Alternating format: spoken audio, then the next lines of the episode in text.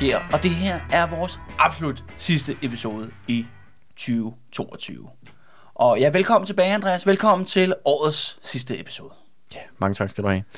Nu lyder det jo meget dramatisk, som du siger, Ja. det er årets sidste episode. Jeg kan også øh, berolige lytterne med at sige, at der kommer også et øh, en afsnit i det næste år, 2023. Ja, ja, det er rigtigt nok. Det er ikke, fordi vi lukker og slukker nu. Nej, nej, det er ikke fordi, at vi har trukket stikket, og jeg er i gang med at øh, sætte ild til lejligheden for ligesom at hæve forsikringspræmien eller noget som helst.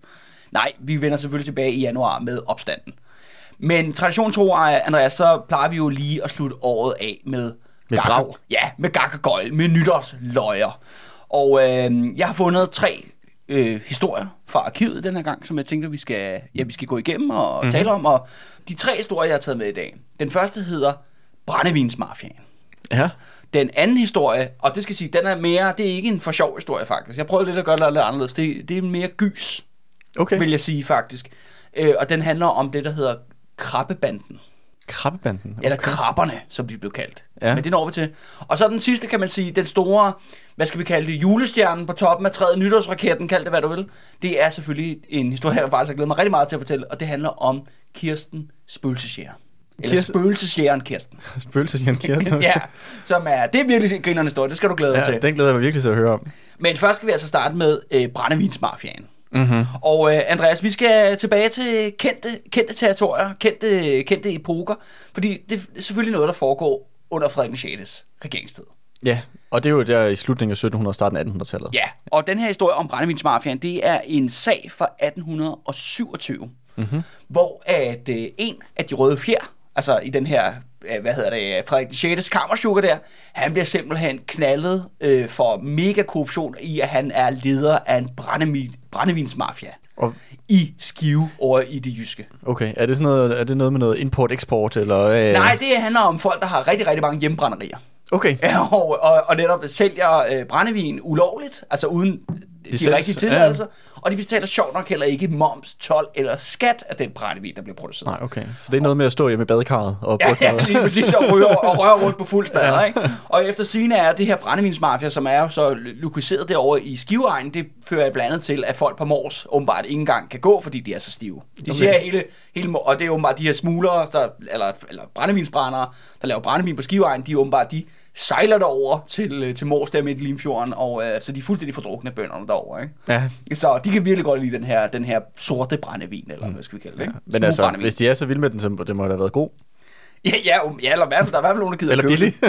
Men den her historie, Andreas, den starter øh, på meget... Ligesom så mange andre historier, synes jeg, starter nu om stunder. Øh, det starter med en whistleblower. Okay. Altså en anonym henvendelse til, til staten. Mhm. Mm-hmm. Der kommer simpelthen en fyr, der skriver et anonymt brev, og det skal siges, vi har aldrig fundet ud af, hvem der skrev det. Nej. Det er stadigvæk en hemmelighed her, så mange år efter siden Det er 1827. en eller anden på Mors, der er træt af, at folk er så fulde hele tiden. ja, lige præcis. Ikke? Den her whistleblower, han skriver, at i Skive-egnen, Sallinger-egnen, der ved Mors, der findes der en brændevinsmafia. Og den her brændevinsmafia, den er ligesom styret af ham her krigsråd, der hedder Tejl. Og det sjove er, at ham her Tejl, han er fandme også i familie med Pernille rosenkrantz Tejl. Nå, Igen dukker Pernille rosenkrantz øh, hvad hedder det, familieslægt op som en del af Bad Guys. Jeg ved ikke, hvad fanden der er med hende og hendes familie. Nu finder vi endnu en, hun er i, langt ude i familie med selvfølgelig. Ikke? hvad er det nu for nogle serier, vi også har mødt hendes familie af? Jamen det er jo, øh, det er jo øh, det er fordi, at hendes familie Rosenkranserne, de var nogle af de der nederen jyske oprør mod Valdemar Atterdag. Nå, i 1300-tallet. Ja, og nu ja. har vi så en anden forfar, også til hende, så det er jo så den anden slægt, anden sidegren, der hedder Tejl, ja. Ja. som er åbenbart leder af et, øh, en mafia Ja. i, øh, i 1827, ikke? Ja, ja, men det er en stolt familie, Ja, ja, tradition. Ikke? Det er bare meget sjovt, hvordan hun bliver ved med at, ligesom at dukke op. Ja. Ja. Øh, nu, det er bare en konstatering. Og den her whistleblower, han siger ham her tegn, han er ligesom centrum for en stor brændevinsmafia, hvor at folk ude på landet, de har i baggård og lader og alt muligt, som du selv siger, i badekarret, de bare laver brændevin en masse, og de betaler ikke tolv og skat, og de snyder, og de smugler det til resten af Jylland, og især i Mors, hvor de er ved at drukne simpelthen i, i snaps. Ikke? Men det er sådan her, at de betaler åbenbart en, øh, en månedlig eller en årlig kontingent til Tejl. De kalder det Mortensgåsen. Prøv lige at vente, hvad siger du? De betaler et kontingent til ham? Ja, altså for ligesom, at han er jo øh, krigsråd Tejl. Han er den øverste embedsmand i Skive. Ja. Det er ham, der ligesom er lovens lange arm. Det her, det er før politiet sådan set mm. bliver oprettet. Så det er faktisk militærets opgave, mm. øh, blandt andet, at forfølge forbrydelser Ja. og enforce lovgivningen. Mm. Og det her det er super ulovligt, men hver omkring Mortens aften, det er derfor, de her bønder, de kalder den Mortens gåsen, mm-hmm. så går de rundt, og så samler de en masse penge ind, og så går de simpelthen op og afleverer det til ham der tegl. Og så kigger han så den anden vej. For at de producerer ja, brændevin. Ja, ja, de ja. producerer brændevin en masse. Mm. Så det er en eller anden form for sådan øh, hvad kan man sige, bestikkelse. Ja, så du har en, du har en ring af folk, som begår ulovligheder. Mm. Altså, de producerer noget, der er ulovligt, de betaler ikke skat og moms mm. og alt det der er det. Og de bestikker og, og embedsværket ja, til at sætte den vej. Ja, bestukket den øverste person, ja. der er ansvarlig for det her. Mm. Altså, det, det svarer jo til, at Rigspolitichefen er korrupt, ja, ja. eller får penge for kriminelle. Men det sjove er, at den her whistleblower, han siger, så I skulle tage ligesom at undersøge ham her, øh, Tejl, og den her brændevinsmafia, der fungerer over i Skiveegnen. Øh, og hvis I gør det, så kommer der flere afsløringer. Mm-hmm. Han siger, at det her er kun toppen af isbjerget. Okay, det kan kun okay. blive vildere. Ja. Men det er ligesom, whistlebloweren prøver lige at teste Frederik den 6. apparat. Mm. Og siger, hvis I gør noget ved den her sag, så kommer der mere. Okay. Så, så, så det er også ligesom lige så om, at de, er det nogen, som der, øh, man kan stole på? Ja, og er det nogen, der ja, har, har myndighederne faktisk tænkt sig at gøre noget? Præcis. Det er det, det, whistlebloweren egentlig ja. whistleblower ligger op til her i 1827, ikke? Mm. Jeg skriver den her anonyme brev. Øh, regeringen tager det altså rimelig seriøst, så de sender en fyr fra Fredericia, en, en justitsråd, der hedder Runemann, han kommer simpelthen øh, tager til skive og snakker med ham der tegn og begynder at undersøge, hvad, hvad, hvad er det, der foregår. Han har ligesom, inden han tager op og har det her møde med Tejl, så, øh, så prøver jeg ligesom at sende nogle folk afsted ikke, og høre, hvad, hvad rygter der på vandrørene. Og de siger så, øh, og det er meget overraskende, når han sender det her besked videre til København, det er åbenbart, at den her mafia åbenbart har opereret i 40 år. Hold det kæft. Altså, det er, altså, det er, Lang, øh, det er flere generationer jo, ja, altså, med, på det, øh, med den tids levestandard. Ja, det er blevet en tradition nu. ja, lige, lige præcis. Og åbenbart, at øh, da Tejl, han fik det her embede i 1823, der har han simpelthen bare overtaget den tidligere krigsråds øh, geschæft. Altså, det okay. er nærmest som om den her... Øh, det er en del af jobbet. Mortensgåsen der, ja. den er simpelthen, den, den får man bare. Ja, det, og så det hører med til stillingen. Ja. ja, ja, lige præcis. Så det er ikke noget, han har opfundet. Det er Nej. noget, han har ejet med stillingen, så at sige. Ja, lige præcis. Og det viser jo også det der med, at der er åbenbart en, en dyb, dyb korruption. Ja. Altså, altså sådan som indlejret går, i systemet. Ja, som går langt ud over bare enkelte individer. Ja, ja. Som det, er, det, er jo ikke, altså forstår det er jo ikke et, et rådent æg, eller et dårligt æble, eller hvad fuck man nu, som de bruger hele tiden. De siger, nej, nej, det her det er sådan institutionalized, og det er generationer, det er traditioner. Ja, ja. For, for bønderne er betalt den her Mortensgåsen for at lave ulovlig brændvin. Det 40 år. Jamen, det er jo ligesom, det er ligesom at danse rundt om juletræet. Ikke? Ja, ja. Det, det, er en refleks. Eller betalt en kirkeskat, eller noget andet. Ja, det, det kommer helt naturligt. Sådan er det bare. Ja, sådan er det bare.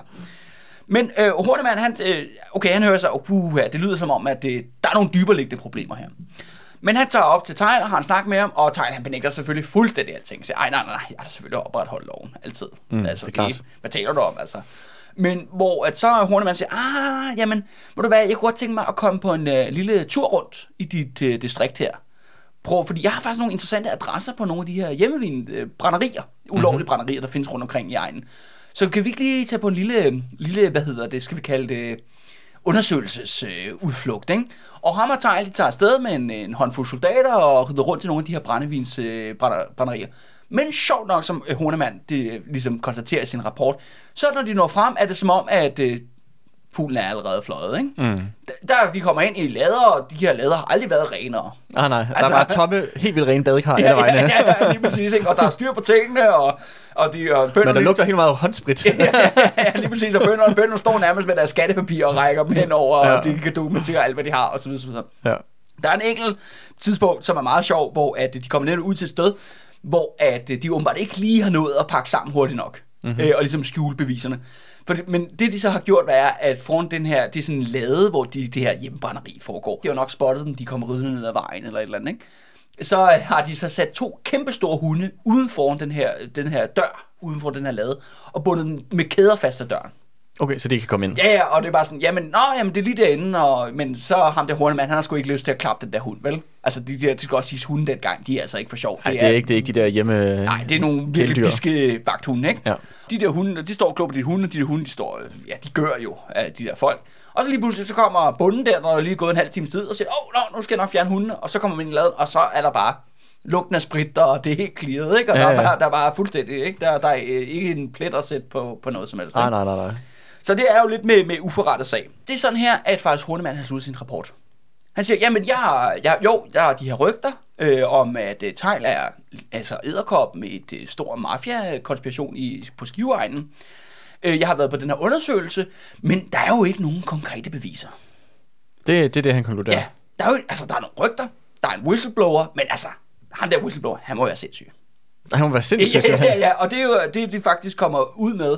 Grinerne er, at den her rapport jo bliver sendt tilbage til Frederik den 6. regering, som jo er jo domineret af de røde fjer, og ham her Tejl er også medlem af de røde fjer. Han har netop siddet generalstaben. Mm. Altså han er ikke fordi, han er en eller anden vildt højt rangerende af de røde fjer. Men han- men han- men han er en han er del- en del af de ja. her, de her soldaterne officersnetværk, ikke, som Mm. jo kørte Danmark i smadre Ja. under, hvad hedder det, Napoleonskrigen. Ikke? Og de er sådan lidt, ja, men problemet er, at hvis vi begynder at rejse en sag, så øh, fortæller vi jo befolkningen, der er noget galt. Ja.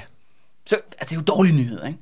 Det er en dårlig nyhed, og så sætter vi lys på, at det, ah, vi er muligvis kriminelle og korrupte. Og de er så lidt, de, deres argumentation er også, hvorfor man ligesom skal bare henlægge den her sag. Det er også det der med, jamen altså, det er jo det eneste sted, der er problemer jo. Nå, okay. Vi, vi tager jo også det der kassen, ikke? Og det ved vi jo godt, ikke? Og, og, og hvis, vi begynd, hvis vi åbner den her sag, så får det jo aldrig nogensinde nogen ende, ikke? Nej, nej. Så vil du være, og ham der whistleblower, han virker også, altså så jeg sige, jamen han er jo, det er jo, der er jo tale om et sygt individ. så prøver ligesom at, at ødelægge til, nu har vi en god chance, øh, der går gående. Og faktisk, det sjove er, at Thailand siger også, jamen altså, det kan godt være, at der foregår øh, ulovlige brænderier i mit distrikt, højst sandsynligt, men jeg kan fortælle, at vi betaler faktisk mere 12 nu, altså mere skatter for mit, for mit distrikt, end vi gjorde under min forgænger. Mm-hmm. Og det er jo positive resultater, ikke? Og det kan mm. vi nok se. Så, det Så jo- så må vi hellere vente, blæ- så, så må vi hellere se gennem fingre med, der ja, måske foregår ja, ja, så de beslutter sådan set kollektivt, den sag, den skal bare syltes. Mhm. Mm-hmm. Den skal lukkes. Men øh, så er det her, Andreas, at der sker noget sjovt. Ja. Noget interessant. Og man kan sige, hele den her sag, den kunne være død lige her. Færdig, bum, øh, finito, finale. Men så er der en husmand ved navn Lars Svendsen, der blander sig. Okay. Så kommer til at spille en rolle. Som ligesom- kommer fra der skiveren. som kommer netop fra det her område. Og det starter faktisk, hans, hans involvering i den her historie, det er noget, handler om faktisk om noget helt andet. At Han er husmand, altså det vil sige, at han er altså fattig bonde. Altså han er ikke en, nogen, nogen som helst. Øh, Han er bare en, en regular guy. Men han har øh, det problem, at han vil gerne sigte sin tjenestepige for, at hun har stjålet fra ham. Mm-hmm. Altså simpelthen stjålet genstanden fra hans hus. Og han prøver så at gå, han tager til retten i Skive og siger, ved du hvad, jeg vil gerne øh, retsforfølge hende her for, for teori. Men retten er bare sådan, vi gider ikke at føre din sag. Nå. Du er simpelthen for lav, du er for under os, til vi gider at bruge, hvad hedder det, djøf-energi. Ja, res- ressourcer på føre- det, Ja, ja. ja, og, og, det er også så besværligt, fordi så det skulle føre til protokol, så bla bla bla bla. Og, sådan, og de, de afviser ham simpelthen på baggrund af en eller anden form for, hvad skal vi kalde det, klasseforagt, har jeg lyst til at sige. Ikke? Mm. Ved du hvad, væk med dig, kammerat. Ved du hvad, det, find dig en anden tjenestepige, eller ved du hvad. Vi, tjener ikke din... Your, Nej, nej, your kind. og- ja. Eller, eller sådan, hvad er det, hun har stjålet, ikke? Altså, en kop eller et eller andet, ikke? Tag dig sammen, ikke? Eller, Ja, jeg stjæler kopper hver til dagligdag. ja, lige, lige præcis. Hej, de rigtige kriminelle, det er dem, der er her. Ja, ja, præcis. ja, men, øh, men ham her, Lars Svendsen, han giver fandme ikke op. Han er bare sådan, ved du hvad, det er tydeligvis, jeg har prøvet at gå til retten i Skive. Jeg tager videre til øh, den højere instans. Han tager simpelthen til Aarhus. Mm-hmm. Han tager til Aarhus og, øh, og opsøger ja, de, de der retten der i Aarhus, hvor at, så han, går, og han har så en beskrivelse af det, hvor han kommer ind på det her kontor, han forklarer sin sag, han siger, at retten har øh, ligesom skidt på mig i Skive, så nu henvender man til jer. Hvor efter den her, øh, ja, hvad skal vi kalde det, skrankepave, eller hvad der sidder her og betjener sig, han om bag ved ham, der hænger der sådan nogle store tavler på væggen, Ja. som er faktisk loven. Altså, altså paragraferne simpelthen står på tavler inde i det her rum. Mm-hmm. Og ham her, øh, ja, tøfferen der, han vender sig om og kigger på de her tavler, og så, øh, og så siger han, ved du hvad, tavlen siger, at øh, der er ikke noget at gøre, kammerat. Tavlen siger... ja, ja, det får han at vide, ikke? Og siger, nej, tavlen siger nej, afsted, væk med dig. Ja, okay. Og så begynder så øh, Lars Svendsens øh, kamp i, i Aarhus, hvor han simpelthen han går til alle offentlige kontorer, han kan finde i, denne, i, i Aarhus der i 1827. Og han får jo det samme svar alle steder. Tavlen siger nej. Tavlen siger nej, væk med dig, ikke? Men han giver sgu ikke op. Og det må man sige. Altså, han er en mand, der virkelig... Han er, altså, han øh, føler sin sag, ikke? Han er stedig. Ja, han sted. Han vil virkelig han vil have noget justice, ikke? Han vil, Ja. ja. han vil have, at der- systemet, systemet gør det, det skal, ikke? Ja, den der kop, som tjenestepigen stjal, den skal fandme leveres tilbage. Ja, ja, lige præcis. Det, nu er det blevet princip, ikke? Og Ja. ja. det kan man også se, at det starter med en, en personlig fliderfnader, men hvor han så får så dårlig en behandling. At det bliver et Ja, principielt... ja, ja, ja. nu bliver det sådan, at han vil... Ha- ham mod systemet. ja, ja, lige præcis. Lars mod systemet, ikke? Ja. Ja. Så han tager ligesom konsekvenser og siger, okay, der er ikke noget at gøre i Aarhus, så han tager til Fredericia. Ja. Øh, og næste naturlige skridt. Ja, og ja. det skal også siges, at grunden til, at han jo netop tager rundt til, øh, så tager han til Fredericia, og så siger han, ved du hvad, jeg vil gerne have et pas, så jeg kan komme til København. Og man skulle have pas for at komme til København. Ja, det er jo så det, og det er jo sådan en anden ting med, med den her tid. Det er, at fattige mennesker, øh, og sådan set, øh, hvad hedder det, og faktisk alle folk, hvis man skal rejse fra landsdel til landsdel, altså hvis du skal fra Jylland til Sjælland, eller omvendt, så skal du have et pas. Mm-hmm. Man har simpelthen interne pas øh, i, i kongeriget. Og det er jo sjovt nok, at folk, der er rige og magtfulde, de får de her pas, altså kvitterfrit. Men for fattige mennesker, øh, for normale mennesker, kan det faktisk være ret svært. Altså både, at der er en høj beløb, du skal betale, altså et gebyr, for at få udstedt dit pas, eller de kan nægte dig pas mm-hmm. af forskellige observanser. Og det er det, Larsen opdager her, fordi han er husmand, og fordi han har en klage mod systemet over, at retten i, i Skive har røvrendt ham. Det er jo sådan set en der klagen starter. Mm. Så derfor forhindrer alle de her skrankepaver, alle de her øh, djøffere, de forhindrer ham i at komme til Sjælland, fordi han har en plan om nu, han bliver simpelthen nødt til at opsøge Frederik 6. Mm. Han skal simpelthen i audiens ja. med Frederik 6. Det er jo også en historie, vi har, har kender af flere omgange. Ja, ja. Ja, Den er helt klassisk om den lille mand, der opsøger kongen, ja. og dermed fikser problemet. Ikke? Ja, ja. Ved du godt, hvordan det står til ude i dit rige? Ja, ja lige præcis. Ja, ja. Men det var meget sjovt, den her pas, det her passystem, bliver ret aktivt brugt jo til netop at øh, ja, simpelthen holde, altså holde fattige, normale mennesker nede, mm. og sørge for, at, at der ligesom ikke bliver gjort noget. Ja.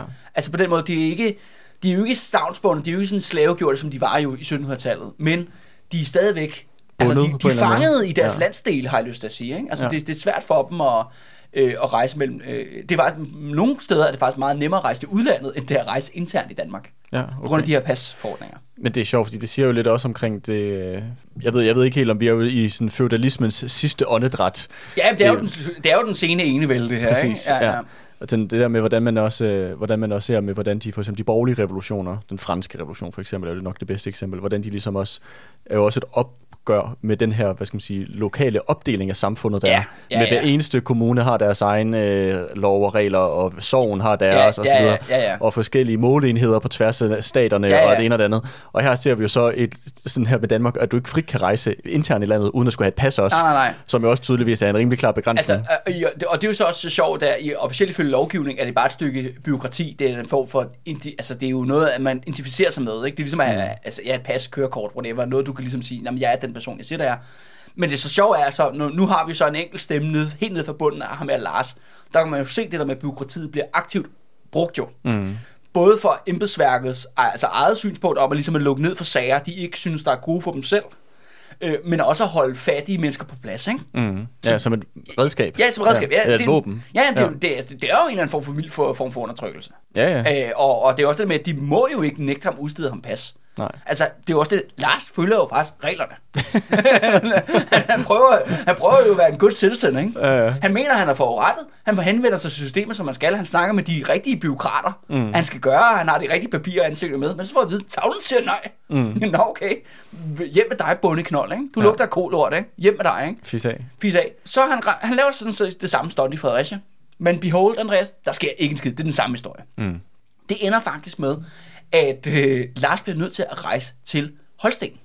Okay. Han bliver simpelthen nødt til at komme så langt væk. Han tager hele vejen til Randsborg, som ligger der på grænsen mellem Slesvig og Holsten, ikke? som er sådan en fæstningsby. Og der kan han godt ned, komme ned. Ja, og det sjove er, at øh, nu er han jo, altså Lars, som navnet indikerer, er sådan rimelig dansk, men han har været soldat i Randsborg.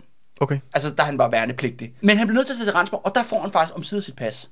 Og det er noget, simpelthen noget at gøre med, at byråkraterne i Randsborg eller i Holsten, de er ikke med i det samme netværk som mm. de jyske. Okay, ja, det er jo en anden form for ja, ja, semi-autonom stat, jo. Ja, det er jo det. Altså, ja. så forstår jeg, men altså de her, og der, dernede er det jo tyske embedsmænd, mm. hvor at i Fredericia, i Aarhus og i Skive, der er det danskere. Mm. Det er bare meget sjovt det med. Det er ikke for at sige, at de holstenske ikke er korrupte, og der er ikke nej, nej. foregår alt muligt shit. Men de kører lidt deres eget spil. Ja, men, ja men, de, men de er bare ikke i det samme netværk mm. som de andre. Det er bare meget sjovt, og derfor siger nå, nå, jamen, din dokumentation er jo helt i orden. Jamen, værsgo, kammerat, her et pas, ikke? Ja. og det betyder så, om sider kan Lars rejse til København. Ja. Han ankommer så også... Det kræver så også bare en lille smuttur ned til Tyskland. ja, ja, men forstår man, det er også det er langt at rejse for en husmand, ikke? Ja, han, på grund af den der skide kop, ja, ja, ja, eller hvad det nu var. ja, eller, eller hvad det nu var, ikke? Men han kommer om sider til København, og han møder op på uh, Amalienborg og kommer faktisk audiens med Frederik 6. Mm-hmm. Og der er det sådan lidt, at nu har Lars jo kæmpet en brav kamp for bare at komme hertil. Så nu er ligesom hans klager er jo blevet noget, noget større end bare det der med tjenestepigen. Mm. Nu handler det jo faktisk om, at han kan jo name-droppe byråkrater fra Skive til Fredericia, som jo ikke har opretholdt det, de skulle gøre. Ja. Som viser sig, at, øh, at de ikke følger reglerne. Det er så en ting. Men en anden ting, og han, altså, han kommer ind til Frederik 6, og, og åbenbart, altså Frederik 6 bliver simpelthen væltet bagover med alt det, Lars har berettet om. Ikke? Han har virkelig, han har været indebrændt. Ikke? Ja. Han, han, han tømmer sit hjerte. Men fordi han er fra Skiveegnen, så kommer han også ind på den, øh, når siger, Nå jo, jo, og så er der ham der tegl der, han leder brændevinsmafiaen. Ja. Sådan i en henkastet bemærkning til, Nå ja, der er gud, der er også det der med brændevinsmafiaen. Ja, og det var det som ellers som toppen af, af, hvad hedder det, af, at af staten havde ligesom besluttet, Ja. det, det skal vi ikke Det- grave mere det, i. Nej, det graver vi ikke med i. Men nu altså får Frederik den 6. ansigt til ansigt, og det er jo det der med, han ved jo godt, at der har været den her sag. Mm. Øh, fordi det, han, han skal jo skrive under på alt jo, ikke? Så det kommer jo ligesom forbi hans spor på et eller andet tidspunkt. Og så, holy shit, nu får jeg faktisk en, der siger, ja, nå jo, ham der Tyler Bund korrupt, han leder brændevinsmafiaen. Og det fører simpelthen til, at, øh, at Frederik bliver nødt til at gribe ind. Mm. Han føler simpelthen nu, okay, Nu bliver jeg konfronteret Ja, med det ansigt til ansigt. med- ja, med folk det. kommer fra egen. Og det er tydeligvis, at mit eget apparat lyver til mig. Mm. Lyver over for mig. Nu bliver jeg nødt til at gribe ind og vise at jeg er en god monark. Ikke? Og det er jo det, det, det, det sjove, det der med Frederik der. Altså, vi har oplevet mange gange i historien, at det der med, hvis man appellerer til ham direkte, så kan man ofte få et eller andet ud af ham. Mm. Altså, hvor han gerne vil vise sig for sin bedste side, ikke? Som, Ja. som, som konge. Men, Så- indad, men indad til, når det kommer til, hvad der sker, når dørene ligesom er lukket, så er det noget helt ja, andet. Ja, ja, ja, ja, forstår du, mener. Men, ja. men det, det sjove er, at Frederik han kan godt lide det der, tror jeg. Han kan godt lide det der med, at der kommer en eller anden på sine bløde knæ mm. og beder om noget, eller hvad det skal være. Mm. Og så kan Frederik godt lide at give det. Mm. Altså, og folk bliver jo glade, ikke? Ja, ja. altså, ja, altså sådan helt sådan en til en, ikke? ja, ja. Altså, det er da så- sikkert rart at vide, at folk er sådan, nå, nu, Jamen, jeg- I make that day. Nej, Ja. jeg tror da også, at der er jo også et eller andet form for gudkompleks i det, tror jeg. Helt altså det med, at han kan jo herske over liv eller død, ikke? Han er jo også enevældig monark. Ja, ja, han er jo, ja, altså, han er øh, monark af Guds nåde. Ja, altså, ja, ja, han- lige præcis. Ikke? Og det fører simpelthen til, at, øh, at Lars, øh, han- han lover Lars, vi skal nok gøre noget ved sagen. Altså alt det, hans klager og øh, retten med tjenestepigen, alt det, der skal vi nok fikse. Og så går han direkte ud til sin regering. Ham der tegl og den der brændevinsmafia i Skive. Det skal vi simpelthen have kigget på. Nu skal der simpelthen gøre noget ved den her, den her sag. Og det første, de gør, det er faktisk, at øh, okay, vi afskeder, øh, hvad hedder det, tegl i seks måneder. Okay. Altså ligesom stiller ham for bestilling. Men igen jo, de røde fjerde, de andre byråkrater der, der sidder oppe i toppen, de er mere sådan, ja, måske er det for hårdt. Det kan jo være, at man ja, ikke skal gøre det. Ja, ja, det må man ikke gøre det, fordi ej, så skaber man jo ballade, fordi at, så skal vi også begynde at kigge på os selv. Så de ender faktisk med bare at give ham en i rettesættelse. Okay. Så han får et, altså et nald over fingrene. Og der får Frederik, altså, Frederik Schett, han siger, genåbne sagen, apparatet kører igennem. De siger, ej, han får en i rettesættelse, ikke? Ved, En næse. en næse, ikke? Men så får Frederik så ryger den på Frederiks bord igen, den her sag med brændevinsmafia. Han siger, "Jamen, ved du hvad, det vil jeg simpelthen ikke finde mig i. Nu befaler jeg, at den her sag skal gå til domstolene. Mm-hmm.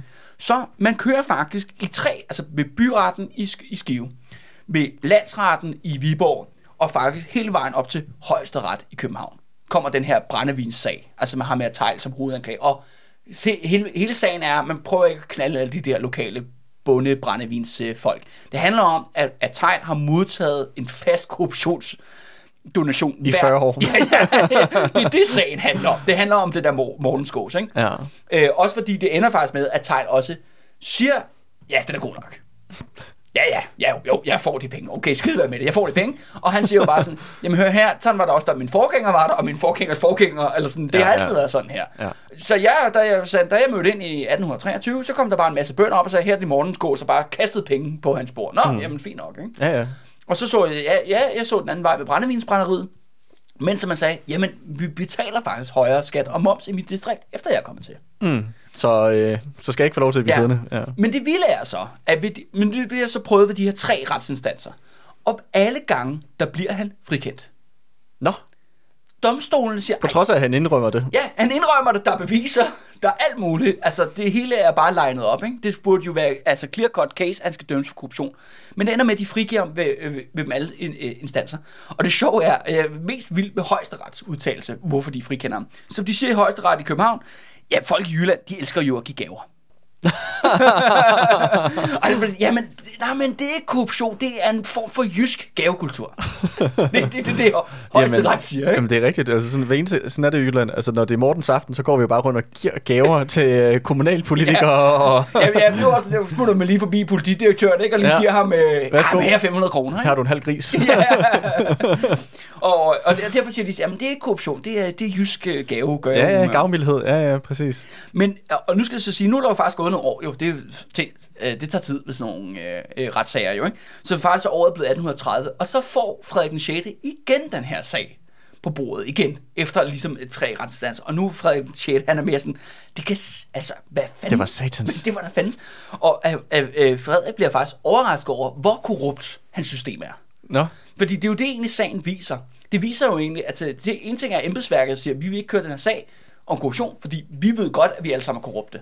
Men det kan vise sig også, at dommerne også er det. Mm, tydeligvis. Ja, fordi, og det handler jo også om det, det Og de holder hånden over ham. Jamen, de vil jo ikke have en prominent korruptionsretssag i Danmark, som ligesom kommer ud til... Der er jo selvfølgelig censur og sådan noget, men hvis en højstående, altså en, en medlem af de røde fjer, altså... Blev knaldet for korruption. Ja, ja. korruption, det åbner jo alt muligt op, og det er jo også det, dommerne siger. Så det viser også, at det juridiske system er jo lige så korrupte Ja, ja, som, som de andre grene af embedsværket. Det er bare meget sjovt, at vi kan konstatere det her. Og, og Frederik... Det er ligesom de der, de, de her, sådan, øh, to hænder, der vasker hinanden. Ja, ja, ja, og, og Frederik er, jo, Frederik er jo overrasket over, hvor korrupt hans system er. Ja. Altså, det er det, han indser på baggrund af den her sag. Så han vælger faktisk at afskede Tejl, Okay. men med pension. Nå, så, ja, det er klart. Det er Og klart. sagen er faktisk ikke helt færdig her, for nu er han sådan lidt afskedet, at hans karriere er ligesom færdig i embedsværk. Der er ligesom en eller anden form for konsekvens for mm. at stå for den her brændevinsmafia. Men det sjove er så, at Tejl begynder så at sagsøge staten for at få mere pension. Nå. Og det ender han med, at han får medhold. Ja, selvfølgelig, Ja. selvfølgelig. Det manglede bare. Så altså, han, kommer ikke til at gå for lud og koldt vand. Men Nej, han nej. er sådan set ude af, af embedsværket. Og så lige for at runde historien af, Andreas, øh, det er, at, øh, at Lars der, vores husband Lars der, han fik faktisk aldrig sin sag mod tjenestepin. Okay. ja, det ender med, at han aldrig nogensinde får lov til at have sin retssag. øh, og han tager faktisk konsekvensen og rejser øh, til Sverige og bosætter sig i Sverige. Og bliver simpelthen svensk statsborger i stedet. det her, det er simpelthen, det er et råb. ja, og det kan man sige, der var der mindst en mand, der var konsekvent. Ikke? Ja, det må man sige. Så, øh, Altså, det kan jeg, jo- jeg skal ikke være en del af det shit show længere. Ja. Nej, nej, altså, han vil hellere, jeg vil hellere skifte nationalitet, end han vil, vil, vil blive i, i fuldstændig korrupte Danmark, korrupte Danmark Ja, ikke? ja. det er meget sjovt. Og whistlebloweren der, han skal jo aldrig igen. Nej. Men det var den historie. Okay, jamen tak for det. Ja, jamen selv tak.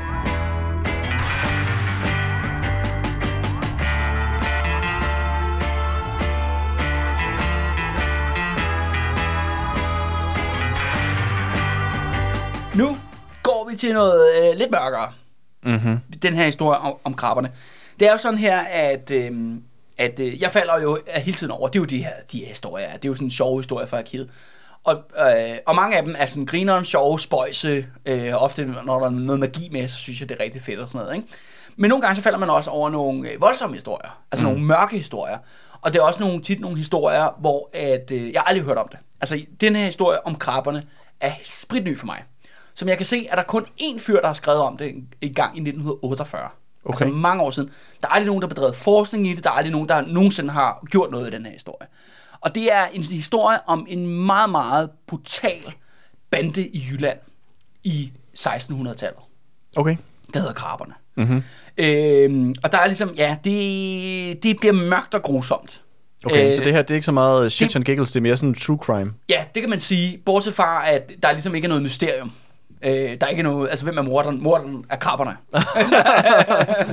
Lad mig sige sådan, det, det, det, det er Nå, historien. du har allerede afsløret det. Ja, ja, ja, ja. Men, det, men det er mere for at sige det med, at der gemmer sig, øh, det er jo også det, det handler om på det røde fjerde. Det er også som at fortælle de ufortalte historier, som du ikke har hørt om før. Mm. Og det er sådan en historie her, hvor jeg må, vil bare sige, jeg vil ønske, der var nogen, der forskede videre det her. Mm. Så jeg kan, har ikke alle svarene på det her. Jeg vil bare gerne fortælle dig og lytterne den her historie, fordi det er, det er så en... Øh, det er noget, som ikke passer heller ej ind i det her hyggenykke Danmarks historie, konsensushistoriens fortælling om, hvad Danmark er. Mm-hmm. For det, den her bandekrabberne der, det er altså fandme ikke for sjov. Nå, men som sagt, vi skal tilbage til, øh, til øh, hvad hedder det, 1627. Ja. Ja, og det er jo så under Christian 4. Ja. periode. Og øh, det er jo sjovt, at øh, Christian 4. øh, er jo på mange måder en dårligere konge end Frederik den 6. Og det siger jeg ikke så lidt. Men det er jo fordi, at Frederik den 6. kan jo trods alt undskylde sig med sin forfærdelige barndom. Det kan Christian 4. ikke rigtigt. Han er bare udulig, ikke? Mm. Christian 4. han kaster jo Danmark ud i mange katastrofale krige, men den første af de her krige, det er den, der hedder, eller i hvert fald kendt på dansk som kejserkrigen. Og hvad er det for noget? Jamen det er, hvor at Danmark, eller Danmark-Norge, det danske norske imperium, blander sig i, øh, i 30-årskrigen. I Tyskland? Ja, som er den her fuldstændig forfærdelige, sindssyge krig, der var i 30 år. Og man anslår jo omkring 20 millioner mennesker bliver dræbt. Ja, i Tyskland. Ja, over den her 30 Og Tyskland bliver fuldstændig Ja, ødelagt. at Tyskland bliver fuldstændig smadret. Ja. Altså, det er og sat, sat flere hundrede år tilbage i sin udvikling. Ja, fuldstændig. Ja. Og, og den her krig, 30 års krig, fordi den var så lang tid, har forskellige faser. Man ja. omtaler som forskellige faser. Og der er blandt andet noget, der hedder en dansk fase. Ja. Okay. Og den, her, øh, og den fase, den falder der i 1627, 1629. Den, er de der faser, de er opkaldt efter, hvornår de forskellige magter involverer sig i Ja, krigen? og ja. efter den danske fase har du så en svensk fase. Ja. Og så har du så set også en fransk fase, mm. og så videre, ja, britterne har også været med. Ja, ja, ja, ja. Det er bare for at det, det, altså 30 er virkelig en kompleks katastrofe, øh, ja, meget, meget brutal blodhistorie. Men det her er helt re- i relation til det danske, den danske fase. Øh, ja, det der sker, er, at Christian 4. han tager en herned i Tyskland. De får jo selvfølgelig bøllebank, øh, og øh, Hvem, hvem, hvem får de tæsk af? øh, tyskerne. Okay. At der bliver samlet simpelthen en tysk, øh, det er den tyske kejser, den tyske mm. katolske kejser. Han har en, en stor, stor leje her, og, en general, der hedder Wallenstein, som smadrer Christian 4. i, i slaget Tyskland. Danskerne trækker sig selvfølgelig tilbage, tyskerne følger efter, og det ender med, at tyskerne besætter Jylland. Mm. De kan ikke sætte over til øerne, for de har ikke nogen flåde. Men de har simpelthen så besat, øh, besat Jylland.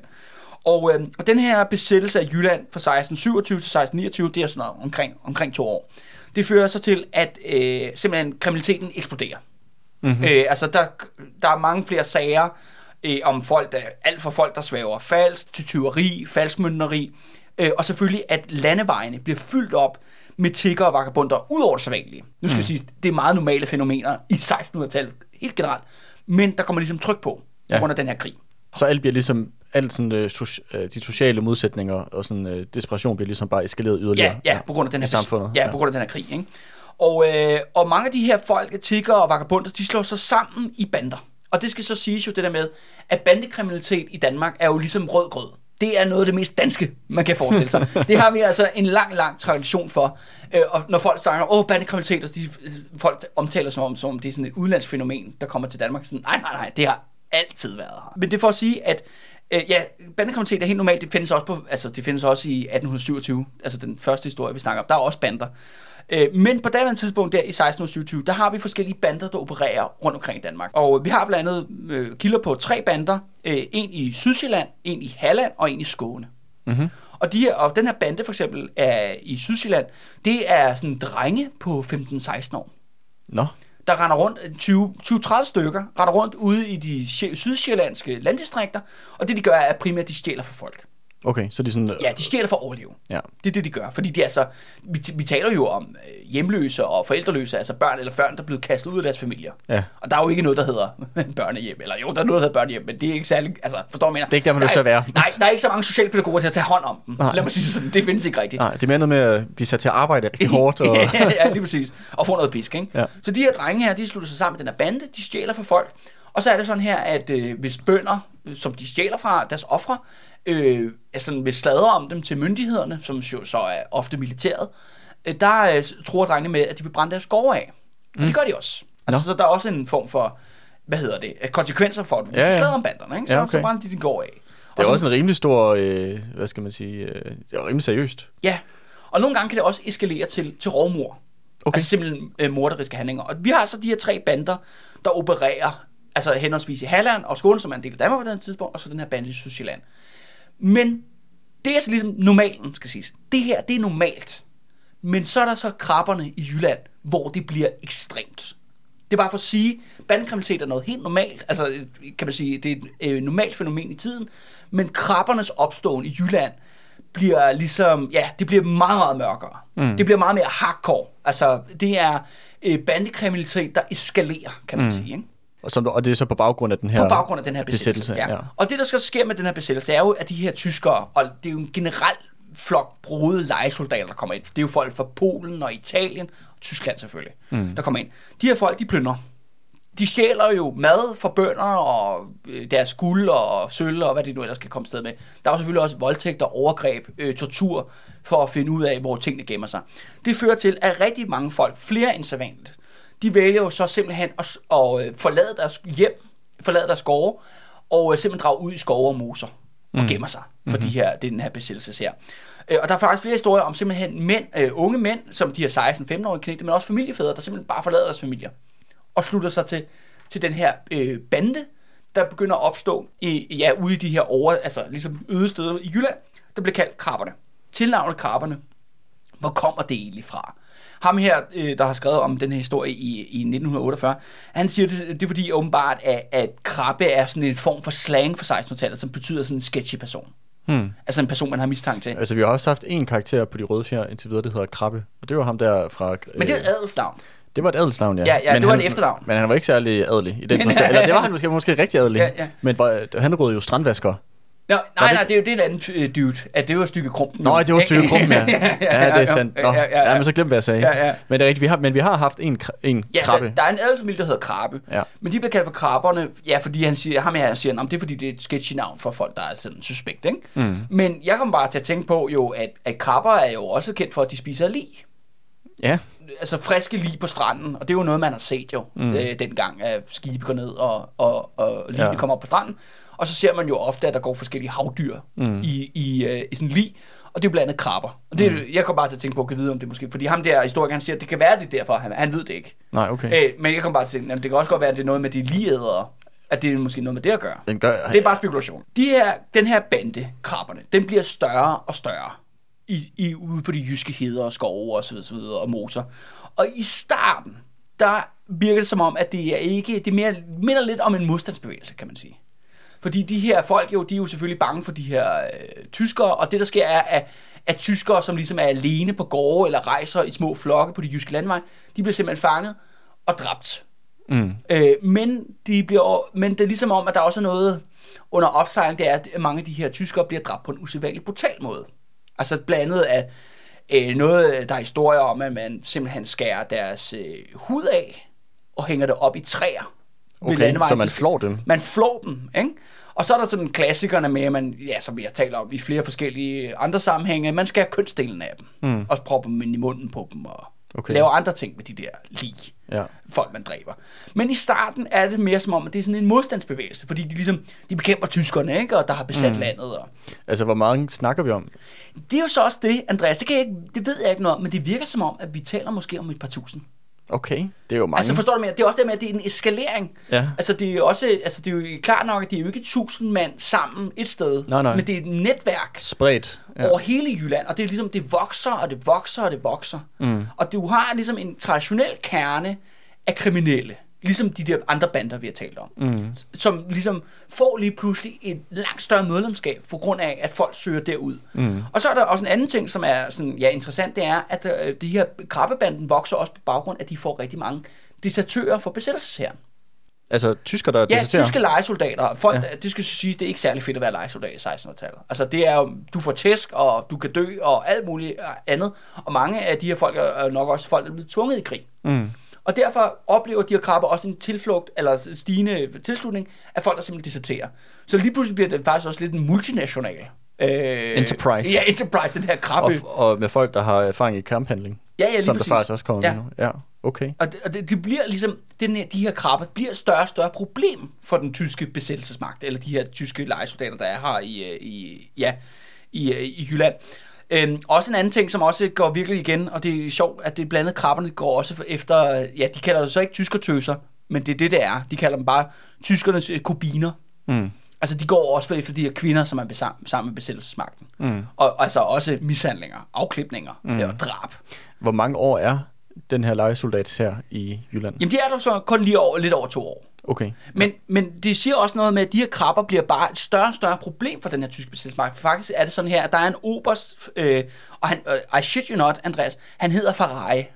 Nå, okay. Altså, han, altså, han er italiener, Ja, ja. og hedder Ferrari, ligesom bilen. Ja, ja. Men Ferrari er jo også, øh, hvad kan man sige, er det ikke også bare navnet på en, en er det ikke en by, der også hedder Ferrari? Det kan sagtens være, det ved jeg sgu ikke. Jeg Jeg ved jeg ved ikke noget om den Jeg der tror, bil. jeg tror, jeg, fik ved navnet- ikke, jeg ved ikke noget om den der bil, udover den er meget dyr. Men jeg tror ikke, navnet på bilen kommer. Jeg tror ikke, det er dem, der har fundet på navnet. Jeg er ret sikker Nej. på, at det kommer enten fra en anden adelsfamilie, eller fra en by, eller et eller andet. øh, Ja, men, det, men det er sådan her, der er ham her, Oberst Ferrari, han er i Aalborg, og han, bliver simpelthen, øh, han får simpelthen opgaven ham her, Wallenstein, som ligesom er den øverstkommanderende, at han ligesom skal, han skal nedsætte en taskforce, der skal sådan deale med det her krabproblem. Mm. Og det udvikler sig til, kan man godt kalde det, altså en lavintensitetskrig i Jylland med, mellem krabberne og den her tyske besættelsesmagt. Og der er blandt andet en, øh, en meget sådan øh, brutal massehenrettelse i Kolding i relation Nå. til det her. Okay. Det er sådan her, at man lykkes åbenbart at fange otte af de her krabber, øh, de her krabbefolk. Og de bliver så øh, sat på hjul og stejle. Mm-hmm. Og øh, de er åbenbart udsat for noget ret hæftig tortur. Øh, så de angiver 17 andre. Men forstår du, men, men, men historien om krabberne er meget sådan sporadisk. Mm. Det er en krigssituation, der er ikke forsket i det, så videre, så videre. Så vi Der, har var, kun... der var mange andre, andre ting, der at se, på, men, se til. Ja. Men det er også det med, at man myrder, eller man dræber, henretter otte mand et meget, på en meget brutal vis i Kolding. Det, det, det siger også noget om operationen, fordi normalen er i 1600-tallet, at du kun henretter en eller to måske. Ja. Nu er der på 8, og de angiver 17 andre under tortur. Og, altså, forstår man, det er også, det forklarer jo også, kan man sige, den her brutale drab på de her tyskere, når de kan få fat i dem, ikke? Mm. Men jeg forstår også godt, at det er måske ikke det, som historikere har kastet sig over, hvis man skulle undersøge den her periode. Der har nok været nogle andre ting, for eksempel bare sådan det der med øh, det, konfliktaspektet mellem den danske og den tyske krig der. Ja, ja. Altså- ja, ja, og hvad Christian 4 render rundt, der Ja, går rundt i, altså ikke? jeg forstår godt, at det er ikke det, man har kastet sig over først, det der med de der krabber ja, der. Ja, ja. Øh, Men, men som sagt, det her det er en gammel historie. Jeg har det for en fyr, der skrev om det i 1948. Der har aldrig været så mange historikere ansat nu i Danmarks historie. Men det, men det er svært at se, hvad fuck vi får ud af det. Ja, ja. Det tror jeg er en af mine pointer med den her historie. Ikke? Ja. Men den her, altså den tyske besættelse, den slutter i 1629. Det Mhm. der sker er, at øh, ja, svenskerne kommer med ind i krigen, og lige pludselig så får tyskerne og Wallenstein travlt med alt muligt andet hjemme i Tyskland. Så det man indgår, man indgår en hurtig fred med, øh, med Christian 4, hvor man bare sådan set forlader Jylland. Man Mhm. trækker sig ud. Øh, og så, ligesom, så er dansk jo herredømme jo. Ligesom, Genetableret. Ja, genetableret. Der er selvfølgelig nogle af de her krabber, der vender hjem til deres gårde efter krigen er slut. Men overraskende mange af dem gør ikke. Mm-hmm. Så banden, altså banden forbliver intakt, på trods af, at nu er krigen slut. Mm-hmm. Og tingene skal tilbage til normalen. Og det er jo så her, hvor det bliver endnu mørkere, end det allerede har været. For at være ligesom en, kan man sige, lidt en modstandsbase, bliver de nu, ja, hvad skal man kalde det? Dødsterror, altså landevejsrøver på en helt stor skala. Og med at tyskerne har forladt Danmark, betyder jo også, hvem skal de plyndre for at overleve? Jamen, det er jo kun danskere Mm. der er sådan set til, tilbage. Øh, og igen, det er jo ikke fordi, altså kildematerialet er meget mangelfuldt, men det jeg sådan kan konstatere på baggrund af den her artikel, der jeg har læst, det er, at folk er sindssygt bange for dem. Altså lokalbefolkningen. Ja, folk er bange. Altså det er, det er for bønder, det er til borgere, det er til adelsmænd. De er bange for at forlade deres huse, deres byer deres slotte. De siger altså, at krabberne kører rampage hen over det tyske land, øh, jyske landdistrikter. Mm-hmm. Materialet om de her krabber, der er mangelfuldt, men bare for ligesom at sammenligne på præcis det samme periode, ved man mere for eksempel om, hvordan bander opererer, eller nogle af de mest fucked up bander opererer i Tyskland i samme periode. Okay, der har du samme Ja, fænomen. ja jamen, der har man bedre dokumentation, eller hvad de ligesom er gang i. Og det er også bare lige så at sige, en ting jeg kan konstatere, at i Danmark er de bare sindssygt bange, og derfor vil jeg gerne lige sammenligne med det her tyskerne, fordi ligesom at sige, hvad er det måske, hvad er det, de er bange for? Mm. Fordi at, jo, det er jo røverbander, som selvfølgelig, de stjæler fra folk, de, de voldtager kvinderne, de kan gå drab, de kan sætte ild til dit hus, hvis du ikke hjælper dem, og så videre. Men det kan faktisk godt blive mørkere end det. Det kan blive mere fucked up end det. Fordi der er blandt andet øh, været i samme periode, i samme år i, øh, i, øh, i 1600-tallet, hvor man har fanget nogle røvere i Tyskland, hvor man har opdaget, at de her, alle de her røvere, som var med i nogle bander i Tyskland, at de rundt om deres halse havde sådan nogle små punge, som ligesom fungerede som amuletter. Men inde i de her punge, øh, som er en amulet, der var der babyhænder. Babyhænder? Ja, de har simpelthen hugget hænder af babyer. Okay. Fordi at de tror, at de der babyhænder beskytter imod kugler. Nå, Der er altså simpelthen et mørkt, mørk magi-aspekt Mhm. mm-hmm. ind over det her. Altså, ja, sådan noget overtros. øh, Ja, ja, ja, men det er altså sådan helt fucked.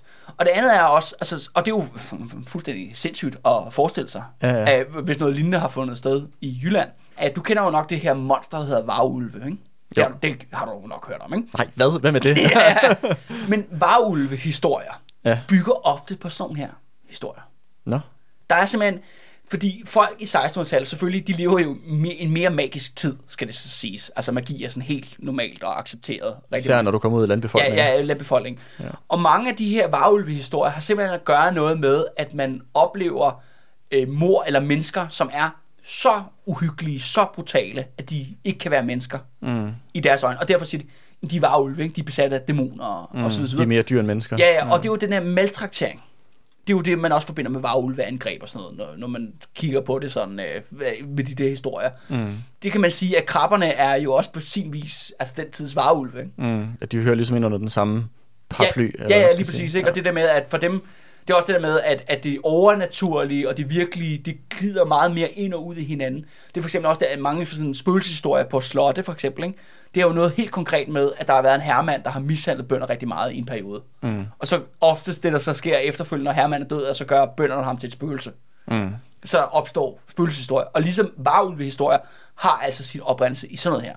Mm. I, sådan, I sådan bander som krabberne, ikke? Ja, nogle ude på landet, land, landevejsbander. Og sådan Ja, ja, som ja. dræber folk på meget, meget brutal vis. Ja. Ja, ja. Men, det, men som du siger, det er ikke fordi, man har så mange gode kilder til helt præcis, hvad det er, de her krabberne, de render rundt og laver, men man har ligesom nogle, sammenlign- nogle grupper, man, man på en eller anden måde kan sammenligne med lidt med Ja. øh, i Tyskland, hvor der er bedre kildermateriale til i Ja, forhold ja, lige til... præcis. Det er, min, det er min pointe. Og det er også min hovedpointe, er, at der, det kan godt være, at de her kilder, det er derude et eller andet sted, bare ikke forsket i det. Mm. Så går der syv år. I 1636, det er som om, at de her krabbeangreb, de eskalerer bare. De bliver ikke stoppet på noget som helst tidspunkt. Der går simpelthen syv år. Og det er der, hvor at øh, Christian 4 simpelthen konstaterer, at man kan åbenbart ikke bevæge sig ud i landdistrikterne i Jylland mere. Okay, De er nærmest som om, at krabberne er blevet sådan en form for intern besættelse her okay. ude i landdistrikterne. Så de, den, regeringen er ikke i kontrol Over landdistrikterne. store områder af Jylland. Nej. Fordi de her krabber, de er simpelthen løs, og de terroriserer øh, civilbefolkningen. Ja, Og det gør simpelthen der i 1636, at man nedsætter simpelthen en taskforce med en kaptajn, der hedder Jesper Fris. Han får ligesom opgaven, det er dig, der skal ligesom Nedkæmpe krabberne. nedkæmpe krabberne. Og øh, han får nogle ret hvide, altså nogle ret øh, sindssyge beføjelser. Han får øh, muligheden for, at han kan simpelthen mobilisere øh, hele befolkningen, hele byer og landsbyer. Okay. Altså, Det er da rimelig meget magt at have. Ja, ja, ja, han kan simpelthen udkommandere folk. Og ideen er simpelthen, at så for eksempel så udkommanderer man alle mændene i en landsby til, at de skal gå igennem mosen, for eksempel. Mm. Den lo- eller lokale skov, eller hvad det kan være. For at finde krabberne, jage dem ud. Mm. Og så simpelthen, nu skal de simpelthen, de skal jages til døde. De skal findes, de skal fjernes. Mm. Men øh, så slutter his- historien også her. Hvorfor det? Jamen, det er jo det. Jeg ved, jeg ved faktisk ikke, hvad der sker efterfølgende. Nå, men vi kan konstatere, at krabberne er her ikke i dag. Nej, så, så det endte på en, eller anden, på en eller anden måde. På en eller anden måde, ja. Og det er jo meget uforløste, at øh, historien bare slutter bræt her. Ja, Øh, men de må jo så have fikset problemet på en eller anden måde. ja. Før eller siden. Ja, før eller siden. Øh, men det er bare for at sige det der med, at de der vilde, mørke historier, de gemmer sig derude mm. i arkiverne. Som da det meste af Jylland blev overtaget af en øh, gruppe volds, øh, voldspsykopater. Ja, ja, ja. ja. Øh, så det er jo også bare sådan at sige, jamen opfordring til, at øh, hvis der er nogen, der ved mere derude, ikke? Altså, jeg vil sgu gerne høre mere. Mm. Øh, Der er jo en afslutning. ja, ja, lige præcis, ikke? Altså, men det er også bare at fortælle, at det der med, at det, de, de vilde- vilde historier, de gemmer mm. sig altså også øh, derude, ikke?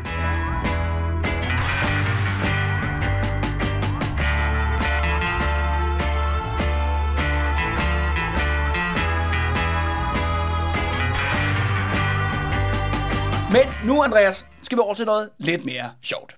Ja, Vi men skal også lidt uhyggeligt. Ja, også lidt uhyggeligt. Nu skal vi øh, til noget mere muntert, vil jeg sige. Jeg har jo glædet mig til den historie. Ja, jeg har også rigtig glædet mig rigtig, rigtig meget. Og den næste historie, den hedder jo selvfølgelig Spøgelsesjægeren Kirsten. Fedt. Kirsten Andersdatter fra Tømmerby i Nordjylland. Det her, det er faktisk en, øh, det er en historie, som bygger på øh, hendes øh, hekseri-retssag. Okay, hun blev, hun blev ja, sagsøgt for, hun, ja, ja, eller hun, blev, anklaget for hun var hekseri. anklaget for at være heks i 1686. Okay, og det var en periode, hvor hekse bliver brændt, er det ikke det? Jamen, det er lidt, det sjove er, eller, eller det er Det er interessant. vel også under Christian 4. Nej, det er jo så det. Og Han det er lige død, eller hvad? Jo, nej, han dør jo i 1648. Og hvornår, hvornår er vi her? Vi er i 1686. Nå, okay, så Den det er her sag er, sag er sådan lidt mere sådan, uh, interessant, fordi udover at man virkelig får et deep indblik på, hvad Kirsten har gang i som heks. Og man skal sige, ved du hvad, jeg vil gerne sige nu, at Kirsten hun er mega badass. Jeg, jeg synes, hun er super grineren. Hun er virkelig en fed heks. Og hun indrømmer selv blank, hun siger selv, jeg er heks. Mm-hmm. Hun siger, men hun siger, jeg er en god heks. ja, Modsat de andre. Ja, ja, hun, hun omtaler sig selv som, hun er en hvid heks. At hun bruger sin magi til at kæmpe det gode sag. Og jægespøgelser. Ja, ja, og jægspølser blandt andet. Ja. Og mange andre ting. Men det er sådan her i 1686, at efter Christian 4 dør, i 1648, der bliver de næste par konger, der ligesom kommer, og ja, embedsværket og retsdomstolen og sådan noget, de bliver mere og mere skeptiske over for det der med hekseri. Altså skeptiske i forhold til ret, Ja, og i, de i forhold til at dræbe dem, Ja. i forhold til at brænde dem levende, altså Ja. på bålet. Ikke? Ja. De bliver mere og mere sådan, ah, måske er det ikke så god en idé. Måske Ja. er det ikke så fed en idé. Ikke? Ja. Og de- derfor er den her sag... Surprise, surprise. Den er meget sjov, hvor, det, hvor de faktisk ikke har lyst til at brænde hende, men fordi hun siger selv, ja, ja jeg er 100% heks, jeg kan mega meget magi. og derfor bliver de lige sådan lidt tvunget til ligesom at, at gennemføre det her. Ikke? Så, nå, okay. Selvom de, de er meget sådan, de, de ville jo egentlig helst Undgå. have sluppet for den her sag. Men der, og det er jo så det andet grinerne er, der er psyko mange vidner. Okay. Så men det virkelig, altså det er gennemdokumenteret det her. Ikke? Altså det er ikke, og det er ikke bare, altså det er ikke bare en eller anden vandrehistorie. Nej. At, fordi der er så mange vidner, og det skal også siges, at der var så mange vidner, altså Tømmerby, det er noget, der ligger øh, nord for Limfjorden, altså en mm, lille landsby. oppe i Vendsyssel. Ja, ja, oppe i Vendsyssel. Øhm, men åbenbart, at hun har virkelig været aktiv, så man har også kørt hende rundt i forskellige andre til andre byer, fordi, nå ja, det er Kirsten for helvede, ikke? Hun Mm. er, øh, hun er bare gang i alt muligt, ikke? Hun er den bedste til at udbryde følelser. ja, lige, lige, lige præcis, ikke? Og derfor, det, derfor vi taler om omkring måske alt i alt, omkring en 30-40 vidner i alt i alt. Okay. Altså, så, så igen, en rigtig, rigtig mange historier. Så den her historie, den bygger på altså de her anklager ved den her domstol. Mm. Øh, altså om hendes sekseri-retssag. Og det, det, historien starter med, at der er en, eller den første anklage, det er, eller den første historie, det er, at der er en bondefamilie i Tørreby. Hvor at øh, den her familie, de sidder derhjemme, en hyggelig aften og hygger sig. De sidder og ser noget X-Factor, Ja, ja, spiser ja, fredagslæg. Ja, ja, ja, det kunne du lige så godt sige.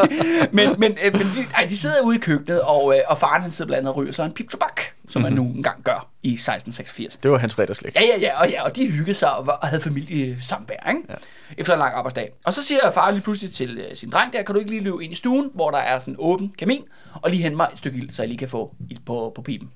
Drengen løber ind i stuen, men jeg kommer ind i stuen, der ser han skulle lige et spøgelse. Tak for satan. Der står simpelthen en hængt mand inde i stuen. En hængt mand? Ja, det, Okay. det står det. En mand, der er med en lykke rundt om halsen og ser okay. meget Okay. Jamen, spøgelse. det lyder da ubehageligt. Ja, og så drengen siger, ved du hvad far, jeg kan sgu ikke lige have det der. Der, der, der, der, der, der, der, er- der er i vejen. Og der sagde faren, ah, okay, det, det, det går jeg ind og kigger på. Så går han ind i stuen, siger, han konstaterer, ja, der står sgu en hængt mand øh, øh, lige der. Og, øh, og så faren, han prøver jo sådan, han tænker sig om, hvad, hvad, hvad kan man ligesom gøre, når man dealer med sådan en spøgelse? Jamen, man, man kan selvfølgelig øh, synge nogle salmer øh, fra Bibelen. Ja, god idé. Øh, God idé. øh, fra salmebogen, og man Ja. kan også komme med nogle bibelcitater. Sådan. Så han prøver ligesom at, at, at, at komme med ja, forskellige... Så det er nu, man skal, det er nu, man skal se, om man kan huske noget fra søndagsskolen. Ja, ja, lige præcis. Han, han prøver Har man ligesom fået at- noget for pengene? Han prøver at skræmme det her spøgelse væk, han, han har inde i sin stue. Men det, der så, men det har lidt den modsatte effekt. Fordi det, der sker, er, at lige pludselig bliver stuen, og så resten af huset fyldt op af sådan en mystisk spøgelsestog. Nå, okay. Altså huset simpelthen eksploderer. Så det er sådan Eller- backfire? Ja, ja, der kommer, der kommer det der tog, og det, det ender med faktisk, at hele familien bliver nødt til nærmest at kaste sig ud af vinduerne Nå, på det her hus, fordi uh, er den uhyggelige spøgelsestog. ja. Så står hele familien udenfor på deres gårdsplads, og der er fyldt med spøgelsestog. Og der står en hængt, hængt ja, inde, inde i, i stuen. Ja. Det er meget Og han har stadig ikke fået, øh, fået Det er uhyggeligt, ja. ikke? Ja. Og så er så spørgsmålet, who you gonna call? Kirsten. Kirsten. og derfor går budet selvfølgelig til Kirsten Andersdatter. Ja. Og hun, fordi hun er netop kendt som spøgelsesjæger. Mhm. Mm-hmm. Hun, har, hun er heks, men hun har også i special i at bekæmpe spøgelser. Det er sådan Fedt. en opgave, hun, hun har. Og Kirsten, hun kommer over, og hun øh, spiller harpe. Øh, hun går ind i huset og begynder at spille harpe til det her spøgelse, og så forsvinder spøgelset. Okay. Ja. Ja. Så det er jo, øh, det er jo super godt, ikke? Ja. Og, og det Enten spiller hun helt vildt dårligt, eller rigtig godt. Jeg ved ikke. men, men, det, men man skal lige først være øh, opmærksom på, at hun løser, hun fikser deres problem. Ja. Hun jager spøgelset væk, eller fanger spøgelset, eller hvad hun gør. Ja. Det er væk. Så er der en anden anklage. En anden historie. Eller en anden, øh, ikke en anden, ja, en, øh, ja om, om Kirstens virke. Det handler om en, en mor, som har en, en dreng, som har øh, ondt i foden. Øh, og den dreng, han kan, uh, han er Lige hurtigt. Kirsten her, altså er hun sådan en, en gammel kone, eller hvad? Ja, hun er en kone, der er lidt oppe i årene, men der kommer mere om Kirstens baggrund lidt senere. Okay, Ja, så alright. det er jo, altså Kirsten er øh, fascinerende. Altså, Okay, for det, jeg, jeg, jeg, jeg er nysgerrig på at høre lidt mere omkring Ja, altså, det er også hende. det ord, altså navnet Kirsten, man tænker jo mest på sådan en gråhåret pædagog, ikke? Ja, for, ens, øh, for ens SFO, ikke? Ja. men, altså, men hun er altså mega badass, ikke? Okay. Øh, den her mor, hun har den her dreng, der er, øh, er syg, han har noget med foden, så de kommer hjem til, ja, who you gotta call, de kommer hjem til Kirsten. Kirsten vælger så at lægge ham på et bord, og så lægge tallerkener ovenpå ham. Mm-hmm. Så han skal ligge en, øh, en hel nat med tallerkener ovenpå sig. Oplagt. Ja, det, ja, som man gør. Det andet er så, at hun tager ham, efterfølgende tager hun ham ned på øh, kirkegården, og så graver hun hans fod ned i kirkegårdsjorden. Mm-hmm. Af hele jord? Ja, ja, Eller selvfølgelig. indvidet jord, ja. Og, øh, og så spørger moren så, øh, hvordan at øh, hun er blevet syg. Eller hvordan at, mor, at moren spørger, hvad, hvad er der, hvorfor kan han ikke blive rask? Og så siger Kirsten faktisk, at det er spøgelsesdæmoner, der har gjort det. Nå, for satan. Altså det er simpelthen spøgelser, der er, ligesom er efter hende. Øh, Som og- der har sat sig i hendes søns frod. Ja, lige præcis, ja. ikke? Men, øh, og, og Kirsten siger også, at, øh, og det er også med, Kirsten er sådan også lidt spooky, fordi hun griner sådan helt vildt højt. Sådan, jeg kender dem! Og sådan, ja, ja, jeg er på fornavn med dem, ikke? Og Ja, det er ham der, den hængte mand. For Ja, ja og, og så er hun også sådan, har du lyst til at se dem? Okay. Har du lyst til at se dem? Og så, og så henter hun, Kirsten så en spand vand, og siger, ja, de er lige dernede i spanden. Kom hen og kig på dem. Altså, ideen er, at hun kan se dem ligesom i Spejlbilledet. Ja, i spejlbilledet, ikke? Men det tør hun sgu ikke. Nå, okay. Det har hun ikke lyst til at se. Det forstår jeg ikke. Det, det, det lyder super creepy. ja. Og så siger Kirsten også til hende lige pludselig, jeg kan læse dine tanker. altså, så hun er jo fuld Lidt, lidt intens. ja, det er meget, meget intens oplevelse, ikke? Men øh, det vilde er, at øh, drengen bliver rask. Ja, okay. Altså hun, igen, Kirsten fikser problemet. Og det er jo så det der med, at der er så mange øh, vidner i den her sag, at jeg også lige kogte det lidt ned, Andreas, så vi ligesom kan komme, så vi kan afslutte dagens episode. Ikke? Mm. Men det er bare for at sige, at øh, der er også andre, der beskriver om, at ude foran Kirstens hus, det skal sige, hun er også gift, øh, at der simpelthen folk står i kø om natten for at komme derind. for at få fikset alle mulige deres problemer. Ikke? Det er også det der med, at det, Kirsten Andersdatter er tydeligvis ikke en upopulær heks. Nej, men det er også sjovt, fordi at på den måde det er også tydeligt, hvordan at hun er en eller anden form for, hvad kan man kalde det, en konkurrerende øh, autoritet til sådan noget som kirken for eksempel. Ja, Altså, ja, ja, 100 Det er, jo ikke, det er jo ikke præsten, som de står i kø for om natten for at fikse deres problemer. Det er Kirsten. Nej, nej, og det er Altså. også sådan, at det er i Tømmerby, som er bare en lille bitte by øh, på daværende tidspunkt, at folk kommer også rejste langvejs fra. Altså, det er sådan normalt stort i byen, at folk kommer simpelthen banker på om natten og spørger, hey, hvor er Kirsten? Og så siger de, "Nå, men- nå, men det er lige dernede, nede, nede ved gadekanten. Du skal lidt længere, kammerat, ikke? Og så kommer der deres problemer. Der er også en anden sjov historie om, at det er faktisk en, en kvinde, som åbenbart er kommet helt fra Norge for at opsøge Kirsten. Nå, Nu skal man huske på med Nordjylland og Norge. Ja, altså, ja. Den her, gang, der er jo den her tætte forbindelse til det nordjyske ja, ja. Og, og det sydnorske. Øh, og den her norske kvinde, hun er, hun lider, hun er deprimeret. Mm-hmm. Altså hun lider åbenbart af, ja, det, vi vil kalde det depression mm. i dag. Øh, og det sjove er så, at hun kommer ind og snakker med Kirsten, og Kirsten siger igen, jeg kan læse dine tanker. Og efterfølgende så smører... say no more. Ja, ja, ja, og så, siger, og så smører øh, Kirsten åbenbart revpis ud i ansigtet på hende. Det er klart. Og, og så bliver hun glad. Så bliver hun glad igen. ja, ja, så hun fik sin depression, og hun kan rejse tilbage til Norge og være glad, ikke? ja. Så Kirsten, hun fik så problemer.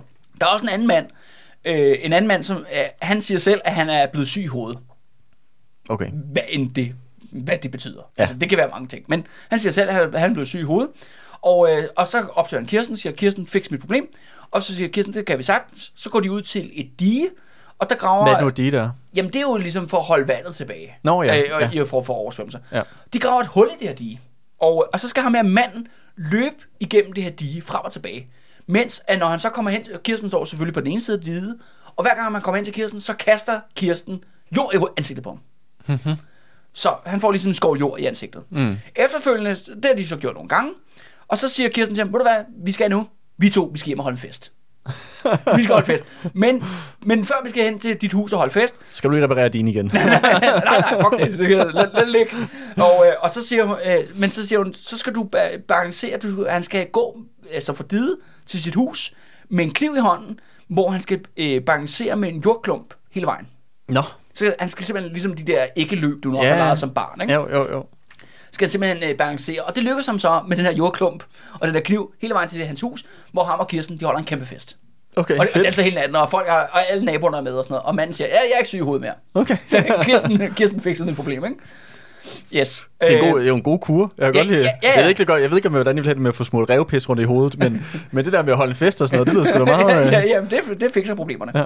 Og, som sagt, lige for at kåle nogle af de, alle de her sager ned, rigtig mange af sagerne, det handler om, at, øh, at for eksempel, der er nogle meget sjove sager, hvor der, så kommer der sådan en mand, han kommer hjem til sit hus, øh, så kommer han ind ad døren, så ser han Kirsten, og så ser han så sin kone, som er gravet ned i gulvet.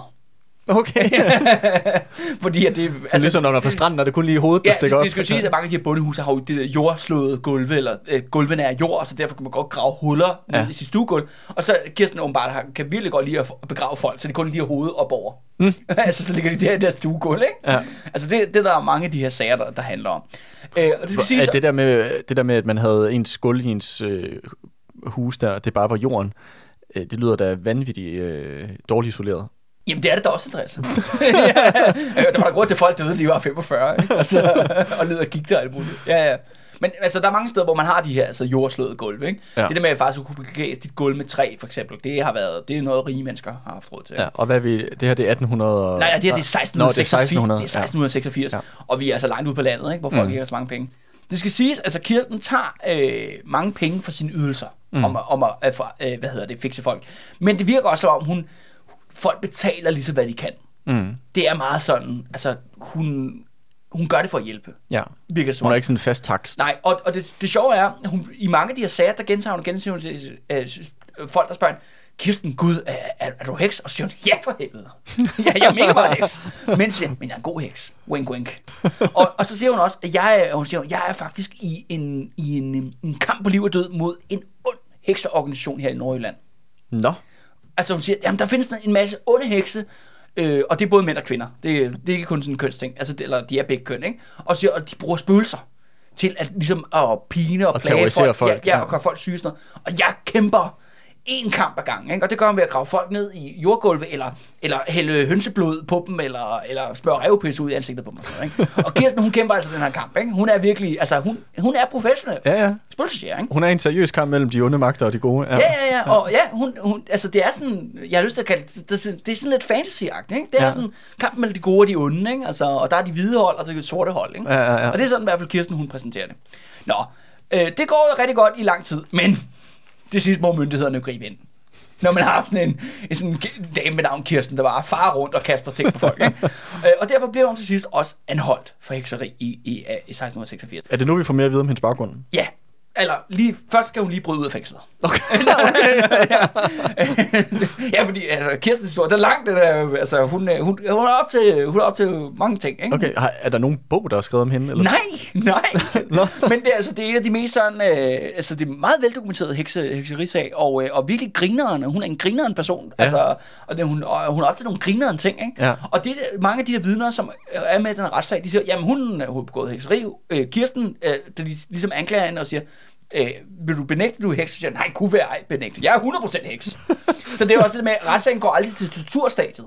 Nej, nej, fordi Der er ikke nogen, der torturerer, fordi det er hun men har jo- afsløret, det, det, er hun det er jo meningsløst. Det er jo det er det meningsløst at begynde at pine hende, Ja, fordi at, tilstået nå, alt. Ja, hun tilstår alt. Jeg tror, man kunne lave en rigtig fed sådan, øh, børneserie af hende, med sådan Kirsten, øh, heksen Kirsten. Ja, heksen Kirsten Spølsjern, Kirsten, ikke? Ja. Øh, Hun står 100% ved sine handlinger, og hun siger også, jamen jeg har lært min øh, kunstner af Gud. Okay. Det er Gud, der har givet mig magiske kræfter. Jeg er god heks, jeg er en hvid heks, ikke? Og, og, og alle de her folk, som netop siger, jamen det er da god nok, at hun er heks, og, og hun har lavet det her magi og, og sådan noget. Men, men Kirsten har gjort det i en god mening. Kirsten er en god heks. Det siger alle de anklagede. Eller dem, der er med i retssagen. Og det er jo, eller alle vidnerne, ikke? Og det er også meget sjovt, hvor alle sådan virkelig sådan, synes hun er nice. Det er mm. meget, meget få, som, som føler, at, at hun har røvrendt dem. Mm. Øh, der er, jo- Hun er meget vældigt. det, det tydeligt er, at hun har et virkelig godt rygte i store dele af Nordjylland. Mm. Altså, det er også det at hun Folk er tilfredse med hendes hun, service. har, hun har været i gang i mange år. Ja. Øh, og der er jo ikke, altså, det er jo nu først ligesom, at nu begynder hammeren så at falde, ikke? Mm. i 1686. Men fordi der er så mange vidner, betyder det blandt også, at, at, at netop at Kirsten skal transporteres i et bur på en hestevogn. Øh, for ligesom at komme andre steder hen, så der kan komme endnu flere vidner. Det er jo det der med, at den her sag, den, tår, altså, den tårner sig op i så mange mennesker, Kirsten har hjulpet mm. igennem årene. Øh, endnu flere vidner. Men det sjove er så, at under den her fangetransport, der forsvinder Kirsten. Nå. Øh, vagterne, som er sådan, skal siges, er tro, tre lokale mænd for området. De, øh, de Som påstår, alle sammen er ret store fan af Kirsten. Ja, det, det, det, de påstår er, at de er ude og de er i gang med at transportere hende på landevejen, og så lige pludselig bliver de, øh, vi har brug for en lur. så de ligger sig til at sove. Og så øh, en af vagterne siger, at han vågner sig op ved, at han ser så, at øh, Kirsten, hun tryller sig om til en jordklump og, og forsvinder. ligesom ruller, ruller derudad, ikke? Ruller væk. Og, øh, og, og derfor... Klassiske, klassiske trick, hvor man lige bliver til en jordklump. der ja, ja, lige, lige præcis.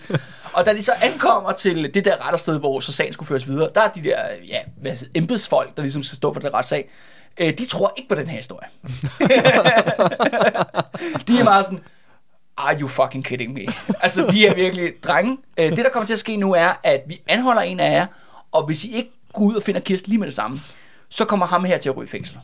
Det er en fyr, der hedder Svend, ikke? Så de anholder en fyr, der hedder Svend, og siger, ved du hvad, vi kommer til at fuck op så meget op, hvis I to ikke går ud og finder Kirsten. Og Find den jordklump. Ja, ja og, og det der bare sker er, at de her to øh, andre vagter, de går selvfølgelig tilbage ned ad landvejen, og de går direkte hen til en høstak, og der finder de Kirsten ind i den her høstak. Ej. Så det virker som om, at øh, det her Kirstens flugtforsøg, det er måske lidt aftalspil. Ja. Ja. Lad mig sige sådan. Ja. Kirsten bliver fanget ind igen, og retssagen fortsætter. Hun er stadigvæk. ja, det er mig, der er heks og sådan noget. Men nu spørger de så lidt uddybende sådan, jamen, hvor, altså, hvad er din baggrund, og altså, hvor længe, længe har du været i gang? Hun siger så, hun fortæller så en historie, at da hun var, ja, ung pige, eller ung kvinde, som hun skriver, så, at de havde jo ikke, det skal siges, teenage. Det ting. Det, det fandtes ikke i 1600 Men hun har nok været i teenagealderen, vil Mm. jeg skyde på. Og det er også det med, at vi ved, ikke rigtig, hvornår hun er født, eller, eller hvor gammel hun er øh, på det tidspunkt. Men hun siger, at øh, under Karl Gustav-krigen, altså det skal sige, nu har vi lige snakket om tysk besættelse, der har også været en svensk besættelse i, i 1657-1660, at mens de her svenskere er i Danmark, der møder hun en svensk troldmand, Mm-hmm. som er ligesom med den svenske her og besætter, besætter Jylland. Og ham her, svenskeren, han, det er ham, der lærer hende op. Han, altså, hun bliver simpelthen troldmandens lærling. Okay. Altså det er svenske troldmand, der lærer ham med magi, og netop siger, Kirsten, du er, du er med i min kamp mod de her onde hekser og dæmoner og spøgelser. Så hun bliver rekrutteret af ja, ham. ja. Hun bliver, altså det er sådan Altså, det er jo nærmest filmisk origin story. den her unge teenage pige, og så kommer der en svensk troldmand og siger, du er min lærling, og nu skal vi ud og bekæmpe dæmoner ja. og spøgelser. Ja, og, der er, og, og Danmark er besat. Og... Ja, ja, ja, det er meget dramatisk. Og de, de, og de render rundt i de der tre år der, og nedkæmper rigtig mange onde magter, de onde hekseorganisationer. Og, og så ligesom, ja, så slutter krigen. Svenskeren, han skal hjem til Sverige og kæmpe mod dæmonerne der. Og, og så fortsætter Kirsten sit gode arbejde. Så øh, også det der med, at hun har været i gang længe. Mm. Altså, hvis hun allerede er kommet ind i det her, hvad hedder det? Som en ung kvinde. Ja, som ung kvinde i 1657, og nu vi skriver vi jo 1686. Mm. Altså, hun har været i gang meget, meget længe. Mm. Altså, igennem en lang overperiode. Og de finder så også ud af, i løbet af det her, at faktisk er Kirsten faktisk flygtet fra en tidligere retssag. Mange år før. Okay, hvor hun også er anklaget for hekseri. Ja, det der sker er, at de, ham, hende og, de er jo gift, skal jeg sige. Hun har jo en mand jo, som er meget anonym. altså, det, det er tydeligvis, det er Kirsten, der er den spændende her. Ikke? Lad, mig, lad, mig sige det, lad, lad mig sige det sådan her. Ikke? Øh, hun er da klart den, der er mest interessant. Øh, det der sker er, at, at åbenbart, i, de kommer faktisk fra Midtjylland oprindeligt, at det er åbenbart der, det er foregået. Men der er Kirsten jo, hun har bekæmpet det onde, men hun er rådet simpelthen i clinch med den lokale præst. Som I Midtjylland? Prøvede, ja, ja, som har prøvet at få hende brændt af flere omgange hvor det ender til sidst med, at øh, Kirsten simpelthen tager benene på nakken og slår sig ned i Tømmerby. Mm. Og så ligesom start from fresh. Og det vil så sige faktisk, at det er jo så hendes, altså det er jo så anden, øh, anden gang, kan man sige, at hun undslipper retssystemet. Ja. Og øh, ja, dommerne de har jo hørt på alle de her vidner og så videre, så videre og dommen er jo sådan rimelig klar. Hun skal brændes øh, for hekseri.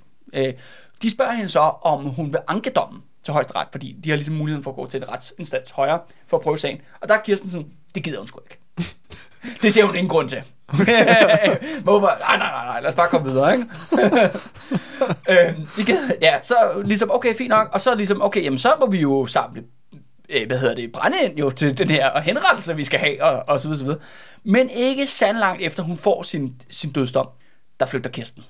Igen for tredje gang. Okay. Tredje gang, hun undslipper lovens lange arm. Så første gang, det var, for den, det var dengang i Midtjylland. Anden ja, gang, det, det var en tidligere historie. Ja, ikke? Det, anden gang, det var den der høstak der. Da de faldt i søvn. ja. ja. ja. Og så nu flygter hun så en tredje gang. Ja, flygter hun en tredje gang. Og ved du hvad? Hun bliver faktisk aldrig fanget. Nå. Og hun bliver aldrig henrettet.